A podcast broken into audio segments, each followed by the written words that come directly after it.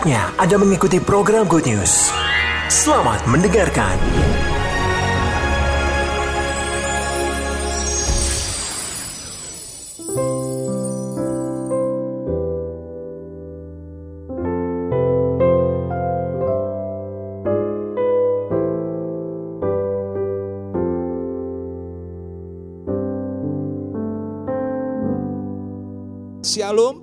Mengikuti secara online dan juga yang di radio sejahtera. Saya ucapkan shalom. Hari ini, bulan ini adalah bulan diakonia. Ya, jadi kita diingatkan kembali tugas gereja. Tugas gereja selain koinonia untuk bersekutu, salah satunya adalah diakonia untuk melayani. Dan itulah yang harusnya terjadi dalam kehidupan kita sebagai umat Tuhan yang sudah ditebus, dipanggil, dipilih, dan dikasihinya. Setiap kita juga melekat untuk bersama-sama melayani, tidak saja melayani Tuhan secara pribadi kehidupan kita, tetapi juga melayani sesama kita. Yang percaya katakan amin dan berikan kemuliaan bagi Allah kita. Nah Bapak Ibu Saudara, hari ini kita bersyukur kalau kita masih ber, bisa beribadah. Dan seperti apa yang dikatakan oleh oleh Bapak Gembala bahwa ini saatnya setiap kita untuk datang beribadah. Karena saya percaya ibadah itu mengandung janji. Ketika kita beribadah, saya percaya ada sesuatu yang baru yang Tuhan kekuat, yang Tuhan berikan kekuatan bagi setiap kita. Selain itu, kita bisa ketemu dengan sesama kita. Kita saling mendoakan, kita saling menguatkan satu dengan yang lainnya. Dan itulah arti bergereja, koinonia. Dan sekarang kita akan belajar mengenai diakonia. Amin. Bapak Ibu Saudara siap untuk menerima firman Tuhan pada pagi hari ini? Yang siap katakan amin. Judulnya adalah selagi ada kesempatan kita harus berbuat baik. Chance to do good. Jadi kesempatan Oh berarti tidak ada kesempatan, tidak akan ada lagi kesempatan. Kita berusaha untuk berbuat baik tapi sudah cukup. Ada, itu tertulis semua. Nanti kita akan pelajari Bapak Ibu Saudara ya. Sesuai dengan filosofi dari gereja kita, memperhatikan sesama, keselamatan dan kebutuhan. Itu tertulis dalam Yesaya 58 ayat 6. Bukan berpuasa yang ku kehendaki ialah supaya engkau membuka belenggu-belenggu kelaliman dan melepaskan tali-tali kuk supaya engkau memerdekakan orang yang teraniaya dan mematahkan setiap kuk Tujuh, supaya engkau memecah-mecahkan rotimu bagi orang lain. Yang pertama, kita harus melepaskan orang-orang dari setiap kuk keterikatan. Ini berbicara yang ada di dalam sini. Supaya mereka boleh melihat keselamatan yang Tuhan berikan. Dia Yesus yang telah mati bagi setiap kita. Dia memberikan anugerah keselamatan. Artinya, apa yang kita terima, kita salurkan juga bagi orang lain. Kalau kita terima keselamatan, kita berikan juga pada orang lain keselamatan yang Tuhan berikan. Kalau kita sudah diampuni, artinya apa? Kita pun harus memberi pengampunan. Kalau kita sudah terima berkat, seharusnya kita juga memberkati orang lain. Amin ya dan terusnya ya supaya engkau memecah-mecahkan rotimu bagi orang yang lapar, membawa ke rumahmu orang miskin yang tak punya rumah dan apabila engkau melihat orang telanjang supaya engkau memberi dia pakaian dan tidak menyembunyikan diri terhadap saudaramu sendiri akibatnya. Nah ini ayat 8 pada waktu itulah terangmu akan merekah seperti fajar dan apa lukamu akan pulih dengan segera kebenaran menjadi barisan depanmu dan kemuliaan Tuhan barisan belakangmu. Yang luar biasa di ayat 9 katakan pada waktu itulah ketika engkau memanggil dan apa? Tuhan menjawab. Engkau akan berteriak minta tolong dan ia akan berkata apa? Ini aku apabila engkau tidak lagi mengenakan kuk kepada sesamamu dan tidak lagi menunjuk-nunjuk orang dengan jari dan memfitnah. Jangan-jangan ketika doamu tidak dijawab, ketika engkau berseru kepada Tuhan, Tuhan masih menunggu tanganmu terulur bagi orang-orang yang ada di sekitarmu. Amin. Itu sebabnya filosofi ini memperhatikan sesama keselamatan dan kebutuhannya. Dan ketika kita lakukan itu, maka saya percaya berkat Tuhan akan tercurah bagi setiap kita. Tidak saja berkat secara kehidupan kita, tetapi berkat secara rohani, damai sejahtera, sukacita Allah, bahkan kesehatan dia limpahkan bagi setiap kita. Yang percaya katakan amin dan berikan sorak-sorai bagi dia Allah. Nah, kita akan masuk, kita akan baca dari Galatia 6 ayat 1 agak panjang tapi kita baca supaya satu perikop itu kita jelas. Apa maksud dari perikop ini? Di atasnya itu judulnya saling membantulah kamu ya. Dari Galatia 6 1 sampai 10 kita baca bersama-sama 1 2 3 saudara-saudara Kalaupun seorang kedapatan melakukan suatu pelanggaran, maka kamu yang rohani harus memimpin orang itu ke jalan yang benar dalam roh lemah lembut sambil menjaga dirimu supaya kamu juga jangan kena pencobaan. Bertolong-tolonglah menanggung bebanmu. Demikianlah kamu memenuhi apa? Hukum Kristus Tiga, sebab kalau seorang menyangka bahwa ia berarti, padahal ia sama sekali tidak berarti, ia menipu dirinya sendiri. Baiklah tiap orang, tiap-tiap orang menguji pekerjaannya sendiri, maka ia boleh bermegah melihat keadaannya sendiri dan bukan melihat keadaan orang lain. Lima, sebab tiap-tiap orang akan memikul tanggungannya sendiri. Dan baiklah dia yang menerima pengajaran dalam firman, membagi segala sesuatu yang ada padanya dengan orang yang memberikan apa? Pengajaran itu. Ini sesuai dengan firman Tuhan. Terus lanjut tujuh, jangan sesat Allah tidak membiarkan dirinya dipermainkan karena apa yang ditabur orang itu juga yang akan dituainya. Sebab barang siapa menabur dalam dagingnya, ia akan apa? Menuai kebinasaan dari dagingnya. Tetapi barang siapa menabur dalam roh, ia akan menuai hidup yang kekal dari roh itu. Yang percaya katakan amin. Sembilan, janganlah apa? Jemu-jemu berbuat baik karena apabila sudah datang waktunya kita akan menuai jika kita tidak menjadi apa? Menjadi lemah. 10. Karena itu selama masih ada kesempatan bagi kita, marilah kita berbuat baik kepada semua orang, tetapi terutama kepada kawan-kawan kita seiman yang percaya dan siap melakukan firman Tuhan. Katakan amin. Berikan kemuliaan bagi Allah kita yang luar biasa. Nah, Bapak Ibu Saudara, kalau kita baca secara perikop, sebetulnya itu itu katanya saling menolonglah. Tetapi ada kata-kata di awal itu bahwa kalau ada saudaramu yang berdosa, kamu harus menegur dia. Ini maksudnya apa? Artinya Bapak Ibu saling menolong, saling membantu itu, itu tidak hanya sekedar berbicara materi. Tetapi juga kita menolong rohani orang lain supaya dikatakan itu kamu juga harus hati-hati. Supaya kamu tidak jatuh dalam pencobaan. Jadi maksudnya dari dari ayat ini kalau kalau saya urut dari ayat 1 sampai 2 artinya begini, setiap kita itu punya beban. Setiap kita punya kesempatan untuk bergumul dengan hal-hal yang sama. Jadi ketika kita lihat orang lain mengalami pencobaan atau mengalami kesusahan atau dia kedapatan berbuat dosa Bapak Ibu Saudara, Jangan engkau viralkan. Halo, betul ya? Itu kan ayatnya gitu. Tapi apa? Tegurlah dia dalam kasih. Bertolong-tolonglah. Karena ketika kita lakukan itu, kita ini sedang melakukan apa? Hukum Kristus. Artinya gini, apa sih hukum Kristus itu?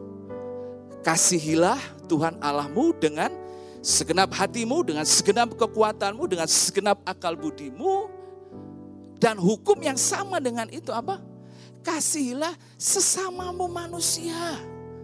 Jadi kalau kita ngomong, kita aku mengasihi Tuhan, tapi aku membenci saudaraku, aku tidak lagi mau bergaul dengan dia karena dia mencekno misalnya gitu ya, atau dia itu punya salah dengan kita.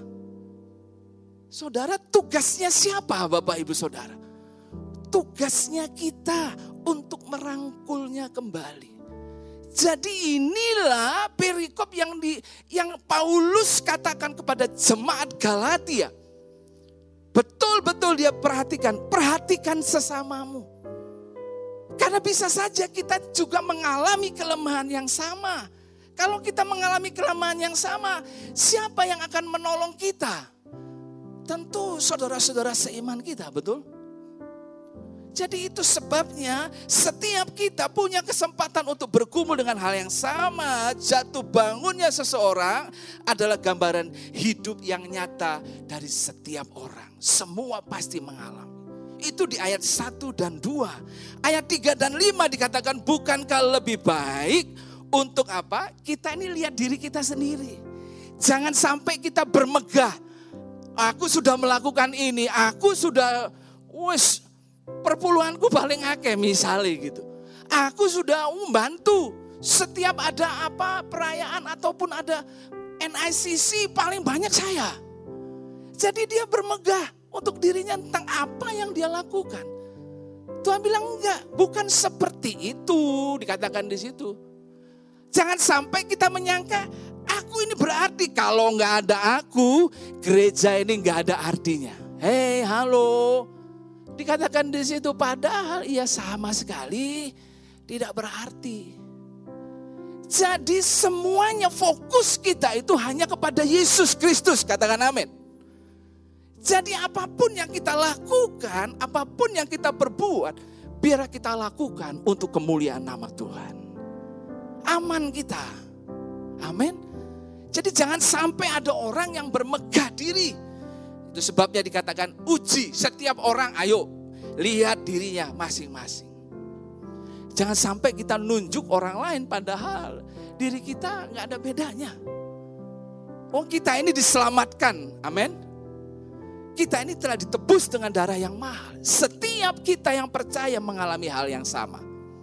Amin Bapak Ibu Saudara. Nah ayat yang ke-6 itu berbicara tentang mencukupi hamba Tuhan. Ya, jadi kalau kita diberkati, firman Tuhan mengajar. Jangan lupa untuk kita memperhatikan kehidupan para hamba Tuhan. Dan saya percaya di gereja ini Tuhan sudah melipat gandakan segala sesuatunya. Dan saya percaya setiap jemaat Tuhan sudah diberkati dan dicukupkan oleh karena nama Tuhan. Amin. Dan ayat 78 dikatakan tentang hal yang mena, hal menabur dan menuai. Apa yang kita tabur, itulah yang kita tuai. Hati-hati.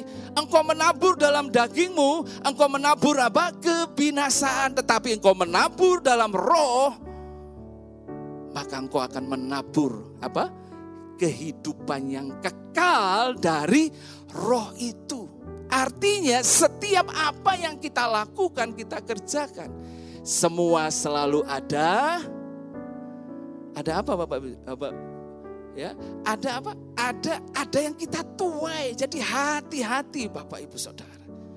Dan ayat 9 dan 10 itu berbicara tentang bagaimana menabur yang baik. Jangan cemu-cemu ya. Kemudian apalagi ya?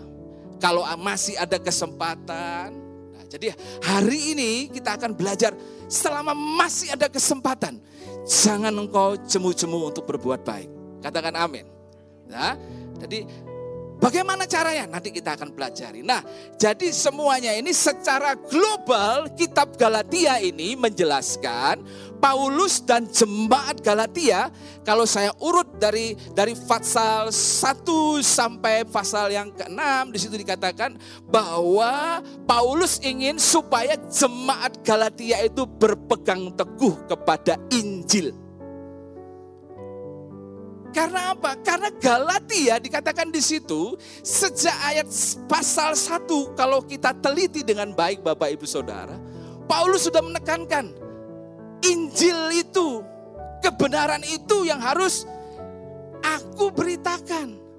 Bahkan dikatakan kalau ada orang lain atau bahkan malaikat sekalipun, kalau dia memberitakan itu di luar daripada Injil, terkutuklah dia.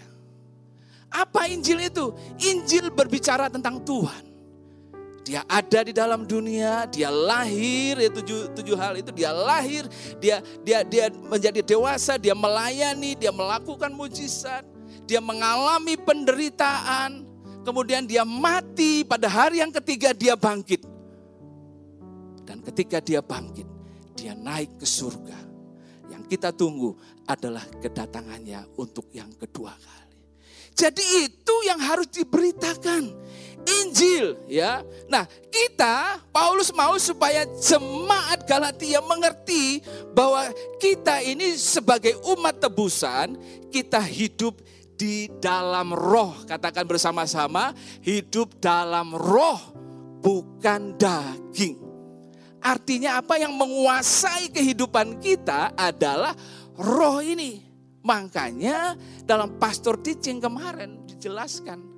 Hati-hati karena ada tujuh jemaat yang menggambarkan kehidupan kita. Jangan sampai kita ada termasuk dalam ketujuh jemaat itu. Biar Tuhan memberi kita hati yang baru, roh yang baru. Halo Bapak Ibu Saudara yang di rumah, Minta pada Tuhan hati yang baru. Karena kalau kita melakukan perbuatan baik, menolong orang, melakukan sesuatu tanpa didorong oleh hati yang baru melalui roh ini, sia-sia apa yang kita lakukan.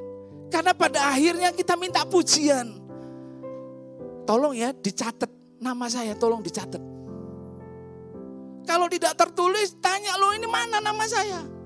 Jadi sebagai umat tebusan kita ini hidup dalam roh bukan dalam dalam daging. Dan Paulus yang terakhir mengatakan dia rindu jemaat Galatia mempraktekkan hukum kasih. Bertolong-tolonglah kamu karena ketika kamu melakukan itu kamu sedang apa? melakukan hukum Kristus. Jadi apa yang harus kita lakukan? Kalau kita bilang mengasihi seseorang, itu harus ada aksi. Betul ya? Kita tidak mungkin ngomong I love you, I love you misalnya gitu. Atau aku mengasihimu, atau aduh pak saya saya mengasihimu. Tetapi misalnya tidak ada aksi. Hanya lip service. Jadi harus ada action. Artinya apa? Lakukan bagian kita ada bagian yang harus kita lakukan atau kerjakan, tapi ada bagian juga yang Tuhan lakukan sebagai apa? respon dari tindakan kita. Bisa nangkep Bapak Ibu Saudara? Jadi kalau itu memang bagian kita melakukan, lakukan dengan sepenuh hati. Lakukan dengan sukacita. Ini sekali lagi ini tidak berbicara materi belaka, tetapi berbicara tentang apa yang harus kita kerjakan, apa yang harus kita lakukan. Jangan sampai kita menutup mata seperti yang dikatakan dalam Yesaya 58 tadi. Kalau hal itu terjadi, makanya kita ini tidak pernah selesai dengan persoalan kita. Karena kita akhirnya apa? Hanya cenderung mengurus ini. Maksudnya kita doa pun kita doa untuk pribadi kita. Bagaimana supaya persoalan kita selesai? Bagaimana? Jadi tiap hari seperti itu. Padahal ada kesempatan setiap hari. Ada orang-orang yang membutuhkan pertolongan kita. Tapi kita bilang belum saatnya. Masalahku aja masih banyak. Persoalanku aja masih ada. Bapak ibu saudara. Ketika kita menutup mata untuk hal itu. Jangan-jangan Tuhan pun menutup mata. Jadi biarlah hari ini supaya melalui bulan diakonia ini. Jadi jangan sampai Yesus itu hanya sesuatu yang berguna. Nah ini biasanya wakil gembala ngomong gitu. Jangan jadikan Yesus sebagai sesuatu hal yang berguna dalam kehidupan kita. Tetapi jadikan dia berharga. Katakan amin. Amin. Jadi kalau jadikan dia berharga, Jadi seluruh kehidupan kita, apa pun yang kita lakukan, semuanya untuk Yesus. Kalau kita hanya jadikan Yesus sebagai sesuatu yang berguna, artinya apa? Setiap kali ada persoalan, kok gereja ibadah, ibadah, ibadah, ibadah, ibadah hanya supaya supaya persoalannya selesai. Begitu selesai tadi pagi Pak Gembala bilang lali lupa, lali lupa, lali lupa, lali lupa. Lu ke mana Bapak itu? Biasanya serajin di menara doa. Ditelepon, waduh Pak sibuk Pak. Sekarang waduh Tuhan sudah jawab doa saya. Tuhan sudah memberkati saya. Ini saya masih, wah, omset saya nanti ya Pak ya. Yang penting persembahan saya lari ke gereja. Tuhan tidak lihat itu loh. Bahkan ayat tadi yang dibacakan oleh Pak Chandra, hati-hati loh Tuhan tidak lihat apa? Persembahan. Tapi dia lihat apa? Belas kasih. Ada nggak kasih itu? Kasih itu yang mendorong kita untuk selalu mengasihi Tuhan, untuk selalu beribadah, untuk selalu melakukan firman Tuhan. Amin Bapak Ibu Saudara.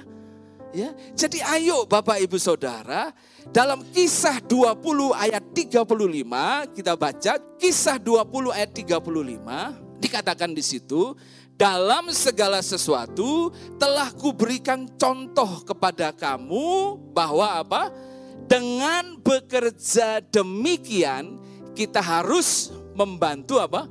Orang-orang yang lemah dan harus mengingat perkataan Tuhan Yesus jadi yang ngomong ini siapa? Tuhan Ye. Sebab ia sendiri mengatakan apa? Adalah lebih berbahagia memberi daripada menerima. Sekali lagi, lebih berbahagia apa? Memberi daripada menerima. Saudara kira-kira kalau saudara terima sesuatu, saudara bahagia enggak? Pasti kan berbahagia pasti berbahagia. Tetapi dikatakan bahagianya itu, imbangannya itu lebih besar dari orang yang memberi. Paham ya Bapak Ibu Saudara? Jadi kalau saya terima sesuatu, saya diberkati. Terima kasih Tuhan. Tetapi orang yang memberi itu, dia akan lebih berbahagia. Amin. Jadi sekarang saatnya kita berlomba-lomba lupa kapan saya setelah saya jadi gini kalau engkau terima Bapak Ibu Saudara, engkau diberkati, akibatnya Pak, ujungnya engkau juga memberkati orang lain. Amin. Supaya engkau berbahagia, ini firman Tuhan. Dalam terjemahan lainnya itu diberkati, blessed. Jadi lebih diberkati orang yang memberi daripada menerima. Amin Bapak Ibu Saudara. Siap untuk memberi, Amin. Kalau kita terima pengampunan, kita berikan pengampunan bagi orang lain. Kalau terima keselamatan, kita beri keselamatan bagi orang lain. Kalau kita terima berkat, kita juga beri berkat itu bagi orang lain. Dan di situ dikatakan saat engkau melakukan itu, engkau dikatakan engkau adalah orang-orang yang paling berbahagia di mata Tuhan. Katakan amin. Berikan kemuliaan bagi Allah kita. Amin. Ya, Kenapa? Dalam Efesus 6 ayat 8 ini dengan jelas mengatakan seperti ini. Kita baca bersama-sama 3 2 1. Kamu tahu bahwa setiap orang, siapa? Setiap orang baik hamba maupun apa? Orang merdeka kalau ia telah berbuat sesuatu yang baik, ia akan menerima apa? Balasannya dari Tuhan. Yang mengerti ayat ini katakan amin dan sekali lagi beri kemuliaan bagi Allah kita. Artinya setiap orang siapa? Kita. Baik orang, baik hamba. Hamba itu apa sih Bapak? Hamba itu orang yang dalam ya dalam tekanan bisa ya. Jadi karena dia ikut orang dia harus melakukan apa yang diperintahkan oleh tuannya. Tapi dikatakan kalau kau hamba maupun kau orang merdeka, ketika engkau melakukan sesuatu yang baik, engkau akan menerima balasan dari Tuhan. Artinya gini, aduh Pak, saya tertekan. Karena persoalan saya belum selesai. Karena masalah saya belum selesai. Itu tidak menjadi alasan untuk kita tidak berbuat baik. Ayat itu mengatakan. Dia hamba loh, dia nggak punya apa-apa. Tetapi dikatakan di situ, dia melakukan perbuatan baik. Tuhan Bapak kita yang di surga melihat. Dan dia akan membalasnya. Jadi artinya, jangan tunggu dulu persoalanmu selesai. Jangan tunggu dulu, pokoknya kalau hutang-hutangku sudah lunas Pak. Saya janji Pak, saya akan bantu diakonia. Kasep Pak. Engkau tidak akan lunas-lunas. Persoalan tidak akan selesai. Betul? Tetapi kalau engkau mendahulukan orang lain, Yesaya 58 itu sudah Bapak Ibu Saudara di rumah baca itu. Itu luar biasa. Pada waktu itulah ya, terangmu akan apa? bersinar. Ketika engkau berseru kepada Tuhan, dia menjawab saat apa? Di ayat yang di atas-atas ini katakan saat engkau melepaskan belenggu-belenggu. Saat engkau ada orang yang tidak punya rumah, engkau saat orang yang uh, apa? tidak punya baju, artinya apa? Memperhatikan. Saat itulah Tuhan akan melakukan bagiannya bagi setiap kita. Wow, luar biasa. Nah, sekarang apa yang mendorong kita untuk melakukan semuanya itu Bapak Ibu Saudara? Tidak ada hal yang lain. Kecuali gini, kita ini berbuat baik karena kita ini sudah diselamatkan. Amin. Jadi bukan kita ini supaya selamat kita berbuat baik. Enggak. Mungkin orang di luar sana melakukan hal itu. Supaya dapat pahala, Pak. Tapi kita ini karena kita sudah diselamatkan, kita sudah terima anugerah yang luar biasa, kita sudah terima kasih Tuhan yang begitu luar biasa. Kita berbuat baik karena kita ini sudah diselamatkan sebagai ucapan syukur kita, sebagai tanda terima kasih kita. Karena Tuhan begitu baik bagi setiap kita. Titus 3 ayat 4 dan 7, tetapi ketika nyata kemurahan Allah juru selamat kita dan kasihnya kepada manusia, ya pada waktu itu apa? Dia telah menyelamatkan kita bukan karena apa? perbuatan baik kita, yang telah kita lakukan, tetapi karena rahmatnya oleh pemandian kelahiran kembali dan oleh pembaharuan yang dikerjakan oleh Roh Kudus yang sudah dilimpahkannya kepada kita oleh Yesus Kristus juru selamat kita supaya kita sebagai orang-orang yang dibenarkan oleh kasih karunia-Nya berhak menerima apa? hidup kekal sesuai dengan pengharapan kita. Amin. Jadi kita ini melakukannya itu dorongannya, dasarnya karena Yesus sudah menyelamatkan setiap kita. Efesus 2 ayat 8 dikatakan itu sebab karena kasih karunia kamu diselamatkan oleh iman itu bukan hasil usahamu tetapi pemberian Allah. Itu bukan hasil pekerjaanmu. Jangan ada orang yang memegahkan diri. Karena untuk itulah karena kita ini buatan Allah diciptakan dalam Kristus Yesus untuk melakukan pekerjaan baik yang dipersiapkan Allah sebelumnya dan ia mau supaya apa? Kita hidup di dalamnya. Jadi itu yang menjadi dorongan kita untuk melakukan perbuatan baik kita. Untuk menolong orang lain. Yang kedua, dorongannya apa? Karena itu adalah panggilan yang Tuhan berikan bagi setiap kita untuk berbuat baik. Matius 5 ayat 16. Demikianlah apa? Hendaknya terangmu bercahaya di mana? Di depan orang. Supaya apa? Supaya mereka melihat perbuatanmu yang baik dan memuliakan Bapamu di surga. Jadi ketika kita melakukannya Bapak Ibu Saudara, siapa yang dimuliakan? Tuhan yang dimuliakan. Amin. Jadi Tuhan yang dimuliakan. Jadi itu sebabnya biarlah kita ini juga memiliki hati seperti hati Bapa kita. Hendaklah kamu murah hati sama seperti Bapamu yang ada di surga. Jadi itu dasarnya Bapak Ibu. Nah, sekarang kita kembali ke Galatia tadi. Di ayat 9 dan 10 jadi tekanan kita pada hari ini.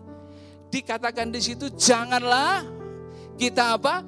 Jemu-jemu berbuat baik. Karena apabila sudah datang waktunya, kita akan menuai jika kita tidak menjadi lemah. Ya. Jadi jangan jemu-jemu itu apa artinya? Jangan bosen ngomong kiri kananmu, jangan bosen Pak, Bu, jangan bosen. Ya, jangan bosen-bosen berbuat baik. Karena apabila sudah datang waktunya, kita ini akan menuai. Jika kita tidak menjadi lemah. Loh, kenapa kok orang berbuat baik itu bisa menjadi lemah Bapak Ibu Saudara? Karena begini, kita ini ukurannya jangan sampai kita mengukur perbuatan baik itu dengan ukuran kita sendiri. Paham ya Bapak Ibu Saudara? Iling ya, kamu ini tak bantu sekarang. Tolong ya, tak bantu. Jadi jangan macam-macam dengan saya misalnya gitu. Karena ada imbalannya, karena ada ada pamrihnya. Kalau itu kita lakukan, ketika orang itu kemudian tidak lagi mau dengan kita atau tidak lagi maksudnya mengkhianati kita misalnya gitu ya. Kita gini akhirnya ngomong, wis orang Kristen itu bodoh aja. Betul nggak? Ada nggak yang pernah alami seperti itu? Ada pasti. Bodoh aja. Lebih baik aku nolong orang lain yang tidak percaya Tuhan. Jadi kalau dia tidak percaya, memang dia tidak percaya misalnya gitu. Saudara, bisa kita menjadi lemah. Kita tidak mau lagi menolong orang itu. Kita tidak lagi mau lagi memberikan uluran tangan. Karena itu, kalau kita jadi lemah, artinya apa? Kita tidak bisa menuai. Sebetulnya itu perbuatan baik, Tuhan akan balas apa yang sesuai dengan apa yang kita kerjakan, kita lakukan. Tetapi karena kita sudah menjadi lemah wes, Apalagi kalau kita bilang, wes dak gereja-gerejaan. Capek saya kalau di gereja. Duit toh. Saudara, kalau motivasimu benar dalam melakukan hal itu, saya percaya kita tidak akan pernah menjadi lemah. Justru kita ini jadi gaya hidup. Role modelnya siapa? Yesus. Dia sudah berbuat baik. Dia bisa aja jadi lemah. Oh kita sudah diselamatkan, kita berbuat dosa lagi, dia bisa bilang, waduh percuma ya aku disalibkan. Tapi dia kan tidak ngomong gitu. Dia tetap mengasihi kita. Dia tetap menunggu kita. Dia tetap mencari kita. Amin. Jadi ukurannya jangan pakai ukuran kita. Ukurannya pakai ukuran Tuhan. Ketika dia mengasihi setiap kita. Yang percaya katakan amin dan berikan kemuliaan. Bagi nama Tuhan. Ya, kurang apa saya coba? Sudah bantu ini, sudah bantu ini. Saya sudah habis banyak untuk gereja ini, tapi mana? Tidak ada penghormatan. Lebih baik engkau dihormati oleh Allah daripada engkau dihormati manusia. Nah, yang kedua apa? Lakukan semuanya itu selama masih ada kesempatan. Nah, ayat 10 dikatakan karena itu selama masih ada kesempatan bagi kita marilah kita apa berbuat baik kepada semua orang tetapi terutama kepada kawan-kawan kita. Jadi begini, ya selama masih ada kesempatan artinya kalau itu ada di depan kita kita lakukan itu Bapak Ibu Saudara. Bapak Gembala itu ngajar gini, itu mungkin roti itu akan kita makan. Tapi kita lihat ada orang yang membutuhkan. Gak jadi kita makan. Kita kasih ini. Itu namanya kesempatan. Karena kalau itu tidak kita lakukan lewat. Harusnya saat itu kita, aduh nyesel ya. Harusnya aku bisa membantu. Tapi karena aku tidak bisa membantu. Karena aku lewat, momen itu tidak akan datang kedua kali. Amin. Jadi contohnya, Yohanes 6 ayat 9. Ketika 5000 orang yang yang apa di lagi mendengarkan uh, khotbahnya Yesus ya 5000 orang laki-laki tidak termasuk perempuan dan anak-anak berarti ada ada perempuan dan anak-anak di situ betul ya ya dikatakan di situ ya kemudian Yesus manggil muridnya kamu harus kasih makan mereka Tapi murid-muridnya bilang, loh guru ini tempatnya jauh. Walaupun ada uang, uang 200 dinar nggak akan mungkin bisa untuk mencukupkan mereka. Nggak bisa Tuhan. Tapi ada ada ada muridnya berkata, di sini ada seorang anak yang punya lima roti dan dua ekor ikan. Bahkan dia tanya muridnya, apa artinya ini semuanya?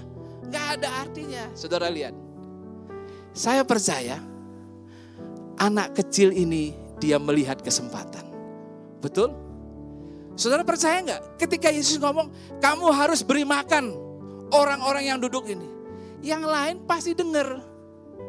Yang bawa anak-anak, ibu-ibu bawa anak, dia bilang sama anak-anaknya, eh masukin bekalmu.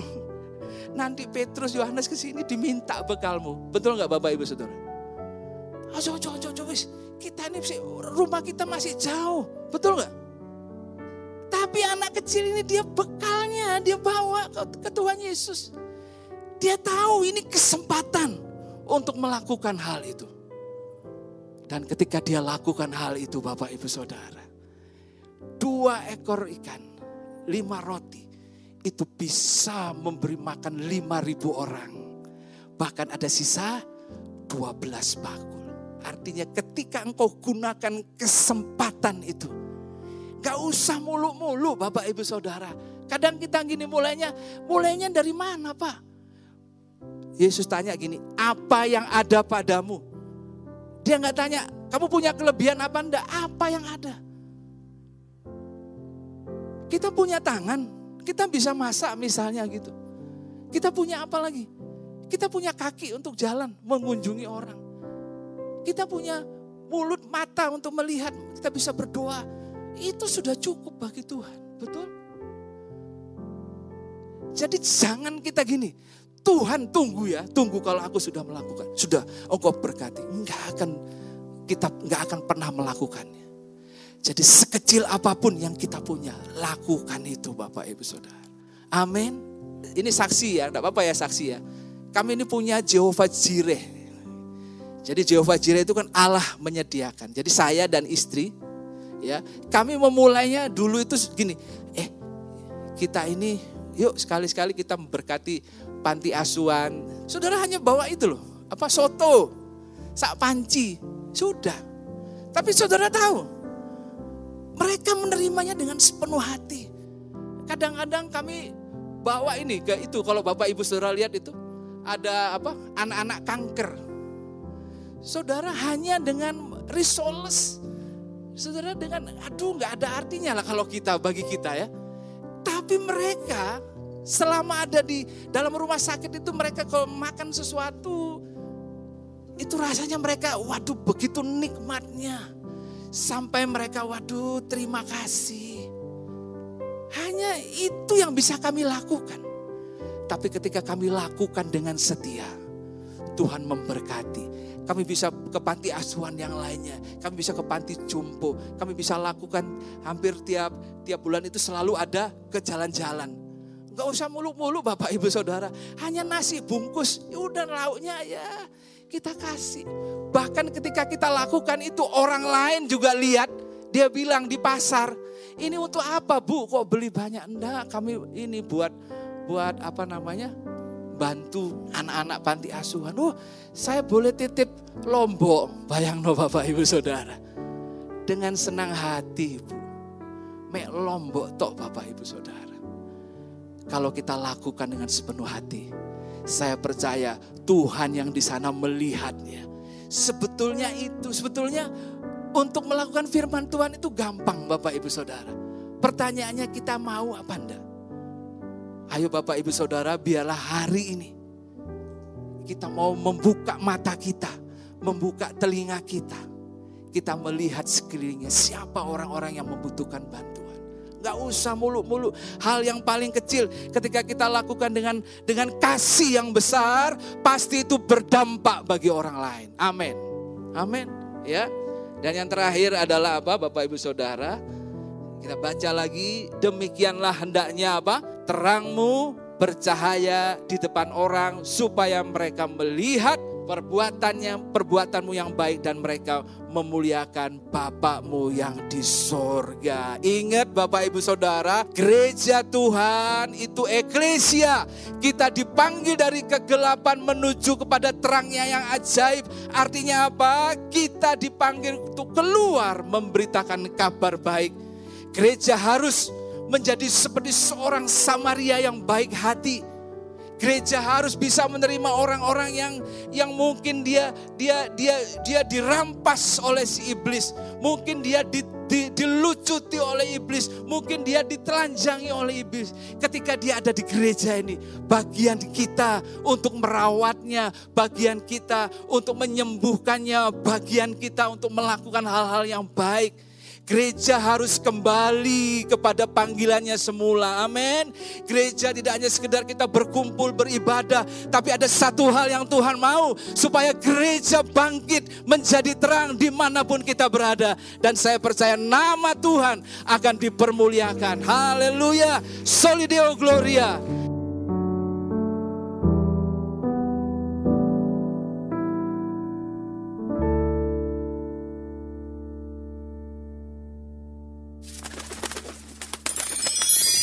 Terima kasih untuk Anda yang sudah mendengarkan program Good News yang dipersembahkan oleh Radio Sejahtera. Untuk Anda yang rindu mendapatkan layanan konseling dan dukungan doa, silakan menghubungi hotline 0812 33 33 6392. Para konselor dan para pendoa Diaspora Sejahtera Caring Ministry siap untuk melayani Anda. Tuhan Yesus memberkati.